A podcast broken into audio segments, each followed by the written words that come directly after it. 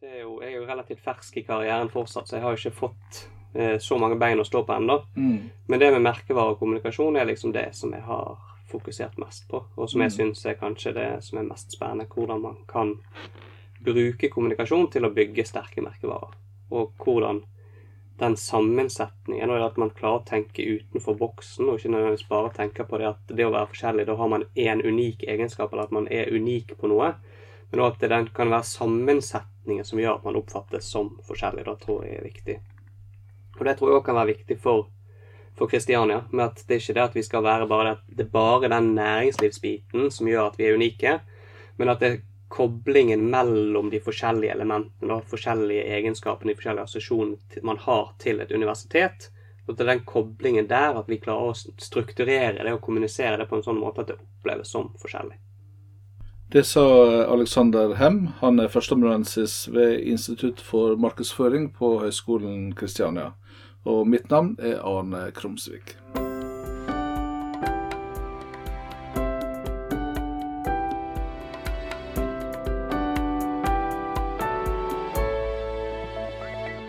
Det var egentlig via Jeg begynte på masteren, egentlig, på NHH. Så tok jeg en master i marketing and brand management. Jeg fikk introduksjon til en del fag som jeg syntes var interessante. Eh, fikk jeg en veileder på masteroppgaven, Magnus Uppell, som er veldig god på temaet, og gjorde at klarte å fange interessen vår. Altså, jeg skrev sammen med han. Klarte å fange interessen vår for det med merkevareposisjonering, og hvordan vi kan bruke forskjellige virkemidler, både kommunikasjon og andre virkemidler, for å bygge sterkere merkevarer. Og så ledet det til at jeg òg ble interessert til å jobbe videre med det, eh, og tok en doktorgrad der jeg fokuserte på merkevareposisjonering, eller differensiering. Så det er egentlig bakgrunnen for hvorfor jeg har endt opp med det fagfeltet jeg har gjort. Men Differensiering av merkevarer, det har jeg hørt om at en skal prøve å være unikt og ikke så lik det andre. Mm. Men, men du har gått enda dypere inn i dette her. Ja, vi har det vi gjorde på i, i den doktorgradsavhandlingen, var at vi så på en, ny typologi. Eh, For det perspektivet, det med å ha unike egenskaper, er ganske vanskelig når man jobber med merkevarer. Nå har vi en teknologisk utvikling som gjør at man kan kopiere egenskaper veldig kjapt, og at det er vanskelig å skilles ut på én unik ting. Eh, Så det vi så på, da var hvordan vi eventuelt kunne utvide det perspektivet til å se på flere måter å være forskjellig på, ikke bare det at man skal ha noen unike egenskaper. Så da gravde vi oss litt dypere ned i det. Eh, Vi så litt på de forskjellige fagbegrepene som er brukt. Eh, På differensiering så er det veldig mange begreper som brukes om hverandre, eller iallfall har vært det tidligere. Så det med unikhet, eh, distinkte merkeelementer, differensiering, det er liksom begreper som har blitt brukt mye om hverandre. Så det vi gjorde, var å prøve å rydde opp litt i det. Så vi satte oss ned, og så skilte vi mellom hva vil det si å være unik? Eh, hva vil distinkte merkeelementer være? Hva er differensiering? Hva betyr det? Og differensiering består egentlig av to aspekter. Det betyr, ser på det, det visuelle, altså de distinkte merkeelementene som vi ser, som gjør at vi kan identifisere en merkevare kjapt og riktig. Som er liksom f.eks. Nike-logoen, som gjør at med en gang du ser den, så skjønner du hvilket merkevare det er. Og så har du mer det mentale, som går på de mentale strukturene og assosiasjonene du har til en merkevare. Og det er der vi jobbet mest, da, eh, med å se på at det med å være unik, det er bare én form for differensiering, mens man kan òg være forskjellig fra merkevarer eh, på andre måter. Som at man kan ha de samme assosiasjonene, men de kan være satt sammen på en forskjellig måte, sånn at de oppleves som forskjellig, fordi de har forskjellige koblinger. Eller at den ene assosiasjonen er sterkere for én merkevare enn for den andre. Og Da tenker vi raskere på den, og da blir den mer dominerende for den merkevaren. Og da opplever vi de som forskjellige. Så det er egentlig det vi har utviklet i doktorgradsavhandlingen og en artikkel som er nå publisert etterpå. Hvordan er det en får til det? Eh, mye av det på det mentale går på eh, kommunikasjon. Hvordan man skal legge opp eh, kommunikasjon for å enten oppnå at det er strukturelle forskjeller, at man setter sammen en, en klynge med assosiasjoner, om du vil, som man kommuniserer og fokuserer på, eller at man prøver å ha mye kommunikasjon. Hvis du skal ha en sterkere assosiasjon, så er det å ha mye kommunikasjon på den samme assosiasjonen om igjen og om igjen, og gjerne mer enn konkurrenten, sånn at du da klarer å bygge opp den kjennskapen til, eh, til merkevaren. Er det noen merkevarer du tenker har fått til dette her særlig godt? Det med å ha egenskaper som ingen andre har, f.eks., er jo det Har du både Kvikk Lunsj, som er tursjokoladen, som de liksom har kapret den kategorien. Og så har du jo Apple sine produkter og den koblingen til Steve Jobs, det er ganske unike. Men det å sette sammen liksom de strukturene på en annen måte kan jo f.eks. være Solo. Det er en appelsinbrus. Du har og Fanta. Men den måten de har satt sammen de assosiasjoner, hvordan de kommuniserer, at de liksom fokuserer på det norske, og at det er liksom den, den sammensetningen av assosiasjoner som gjør at de blir oppfattet som forskjellig fra Fanta, da, er kanskje et godt eksempel på, på en sånn type merkevare.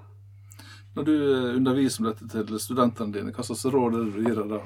Eh, når det gjelder sånn merkevarer generelt sett, så er det fokuserer jeg på at de må forstå at når du skal bygge merkevarer, så må du kjenne godt til referanserammen. Hvem er konkurrentene dine? Eh, og der er det jo mange bommer. De tenker altfor snevert på hvem som er konkurrentene. Man må ha et ganske bredt perspektiv på hvem er det vi faktisk konkurrerer mot. Eh, hvis vi f.eks. tar for oss eh, å fly fra Oslo til Bergen, så er det ikke bare Norwegian, SAS og Flyr som er konkurrentene, men du har òg Vy, og du har buss og sånne ting som man kan se på som konkurrentene. Og Når du først har bestemt den referanserammen, så kan man jo jobbe med å se på hvordan er det vi skal være lik konkurrentene våre. Eh, for vi må òg ha en del sånne egenskaper der vi er lik konkurrentene for at vi i det hele tatt skal bli vurdert for at de skal oppfattes at vi er en del av den kategorien. Og så blir det da å fokusere på hvordan er det vi skal posisjonere sånn at vi òg oppfattes som forskjellig på meningsfulle aspekter. Det er jo litt viktig å presisere at når man skal være differensiert, så er det ikke nødvendigvis bare det at du skal være forskjellig som er viktig, men det skal være en forskjell som oppleves som meningsfull for forbrukeren. Det må være en grunn til at det, det faktisk teller det at du er forskjellig fra konkurrentene dine. Hvordan er det du går fram når du skal forske på dette her?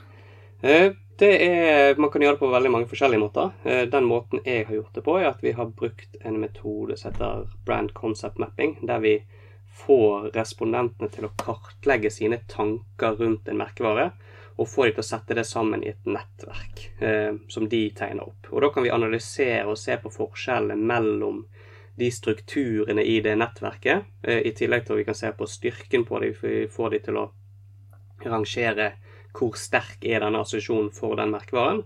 Og så kan vi se på om det òg er noen som er unike for den merkevaren. Så det er, en, det er, en, kvalitativ prosess der du går gjennom veldig mange sånne eh, assosiasjonsnettverk, og så bygger du de og setter de sammen til det vi kaller et sånt aggregert eh, konseptkart for merkevaren. Sånn at du har et sånn overordnet bilde av hvordan merkevaren oppfattes. Men du kan òg altså, analysere det på et individuelt nivå, sånn at du ser på hvordan er det den ene respondenten her ser på f.eks. Samsung Galaxy opp mot Apple iPhone. Hvor er det de har match mellom assosiasjonene sine, og hvor er det de er forskjellige, og hva type forskjell er det egentlig vi finner. Er det forskjell på ulike eh, produkter og tjenester, men hvor, hvor eh, bevisste vi som forbrukere er? Eh, det, det med merkevarer er jo veldig det har stor forskjell i forskjellige typer kategorier, hvor, hvor aktivt involvert vi er i disse kategoriene. I sånn typisk det vi kaller lavinvolveringsprodukter, der man ikke tenker så nøye over valgene man tar, så er merkevare og kjennskap veldig viktig. For Der går det ofte på vane, eh, og du velger ofte de produktene i butikken som du kjenner igjen, så du tar med deg de standardproduktene du alltid tar med deg. Så der er det relativt viktig. Eh, også i der det er litt større valg, så blir kunnskapen du sitter med om merkevaren, altså de strukturene, enda viktigere. For der tar man ofte valg utenfor en sånn konkret kjøpssituasjon, der du må tenke over merkene på forhånd. Så de må være kjent nok for deg til at du skal klare å komme på dem, sånn at du kan tenke over hvilke alternativer er det som eksisterer. Og så er det med den eh, kunnskapsstrukturen som vi har klart å bygge opp eh, over tid, så blir det utslagsgivende. Så det er litt forskjell på, på hvor involvert man er i en kategori, eller hvor viktig beslutningen er. Ofte er det jo sånn at merkevarer er en måte å redusere risiko for forbrukeren på. Eh, velger du en kjent merkevare, så velger du noe som du tror er trygt og du stoler på. Eh, og da, jo større den økonomiske risikoen, eller den eh, sosiale risikoen for den slags skyld, jo større den risikoen er, jo viktigere blir det med en sterk merkevare. Sånn at du har en, en krykke å støtte deg på for det valget du skal ta. Vi har jo det siste året hatt en del ganske sånn sterke merkevarer som, som har bytta navn. Mm. Altså både Vy og Equinor osv. Mm. Um, er det for å så forflytte seg, på en måte? At de ikke er fornøyde med den posisjonen de hadde? Eller hva er det som gjør at en, eh, bruker millionervis av kroner på, det, på, på, slike ting? Det kan være det. At man eh, prøver å reposisjonere seg. Gå fra, fra et, et image, egentlig, til et annet. Sånn som Equinor, som de ønsker å gå vekk fra Statoil og oljen og den mer brune delen av virksomheten sin, og heller fokusere på fornybare energikilder, så er det et viktig steg i å prøve å bygge opp en ny merkevare som kanskje mister litt av den negative eh, konnotasjonen da, fra oljenæringen. Jeg vil jo tro at det er samme grunnlaget for Vy, med at de utvider mer fra at det bare var NSB og Norske Statsbaner, eller de toglinjene som var viktige, til at de òg fokuserer mer på at de har disse bybilene, de har busser.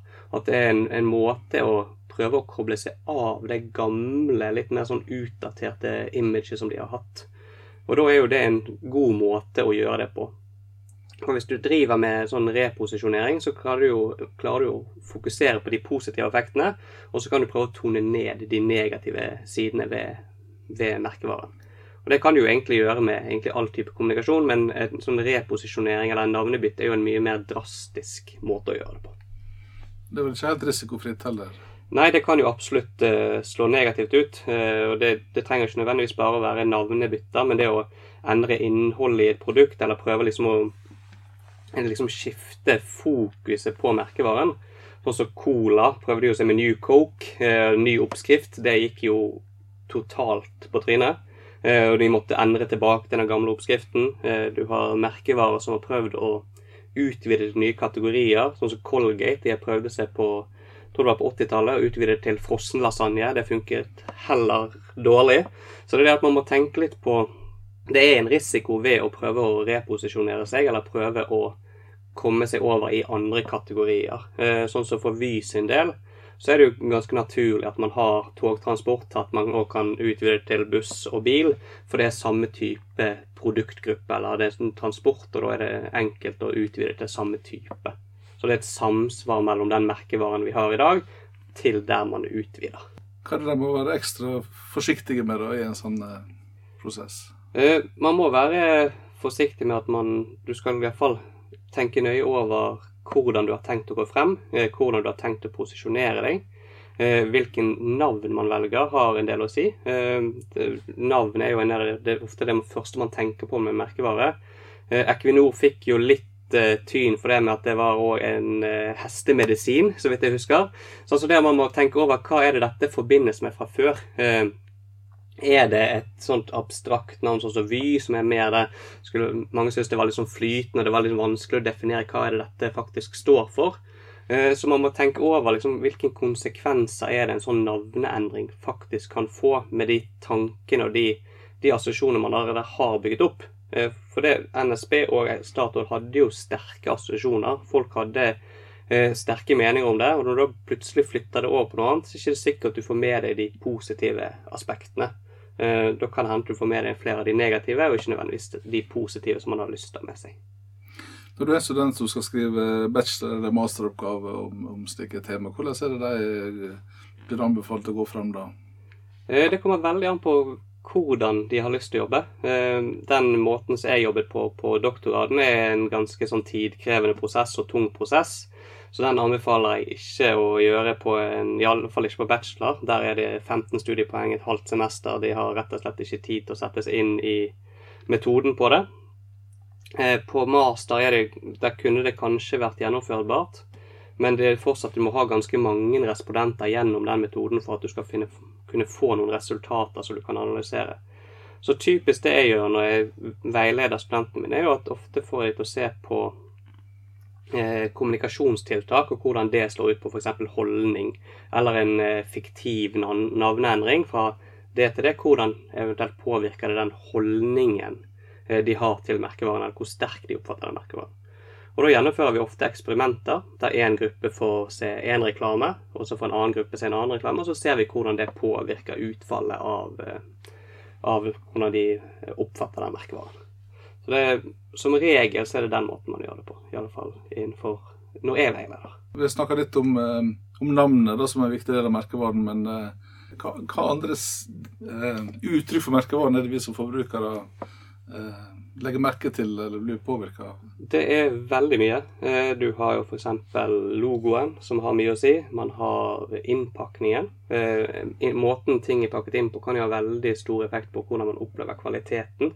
Eh, man har lydbildet, altså de jinglene man spiller i reklamer, eller man som man har på oppstarten på datamaskinen sin, sånn som Intel gjorde med sin sånn lyd, lydfil. Det er ting som man legger merke til. da. Og det det er mange som fokuserer på det med at det å være distinkt, det å skille seg ut, er jo én måte man kan være med på å differensiere seg og bygge merkevarer. Så det å klare å lage en visuell profil som gjør at man klarer å koble den visuelle profilen opp mot merkevaren, men òg at den visuelle profilen gjør at man skiller seg ut fra konkurrentene. Og Da er det da sånn typiske eksempler som Nike-logoen, du har absolutt vodkaflasken, som er en sånn profil eller silhuett som skiller seg godt ut, og som folk klarer å koble opp mot merkevaren. Så det er ganske mange aspekter, og det er ganske sammensatt. Og hvordan er det egentlig vi skal sette sammen denne pakken med merkeelementer, som vi kaller det, for at det skal bli en god visuell profil? Høgskolen Kristiania har jo som ambisjon å bli et uh, uavhengig universitet. Hva er det vi må passe på i den uh, overgangen? Det vi må passe på, sånn som jeg ser det, er vel at vi, må, at vi har de eh, likhetspunktene, altså der, der, vi er like resten av sektoren. Sånn at vi har liksom de grunnelementene på plass som man må ha på plass for å bli liksom akseptert som et universitet, enten det er NOKUT sine prosedyrer, eller om det er at man tilbyr fag, og at man har forskning den biten der. Men så må man jo finne ut hvordan er det vi skal skille oss ut. Og det med at det er et arbeidslivsuniversitet eller næringslivsuniversitet, man klarer å koble seg tett opp der, og de forskjellige måtene man kan gjøre det på, tror jeg blir viktig. For det, man må, det er ikke nok å bare si at man skal være der, men du må også kunne underbygge det og ha strategiske midler som viser hvordan er det vi skal klare å få til dette. Hvordan er det vi skal få til disse samarbeidene med, med næringslivet. Så jeg tror det blir viktig at man har har tenkt over hvordan er det vi skal skille oss ut. Eh, hva, hvilke aspekter er det vi skal være best på. Eh, ikke nødvendigvis bare gå for der det ikke er noen aktører fra før, men at vi skal liksom klare å posisjonere oss sånn at det oppfattes som relevant og viktig for de som skal studere hos oss, men òg de som skal jobbe hos oss. Det tror jeg blir viktig.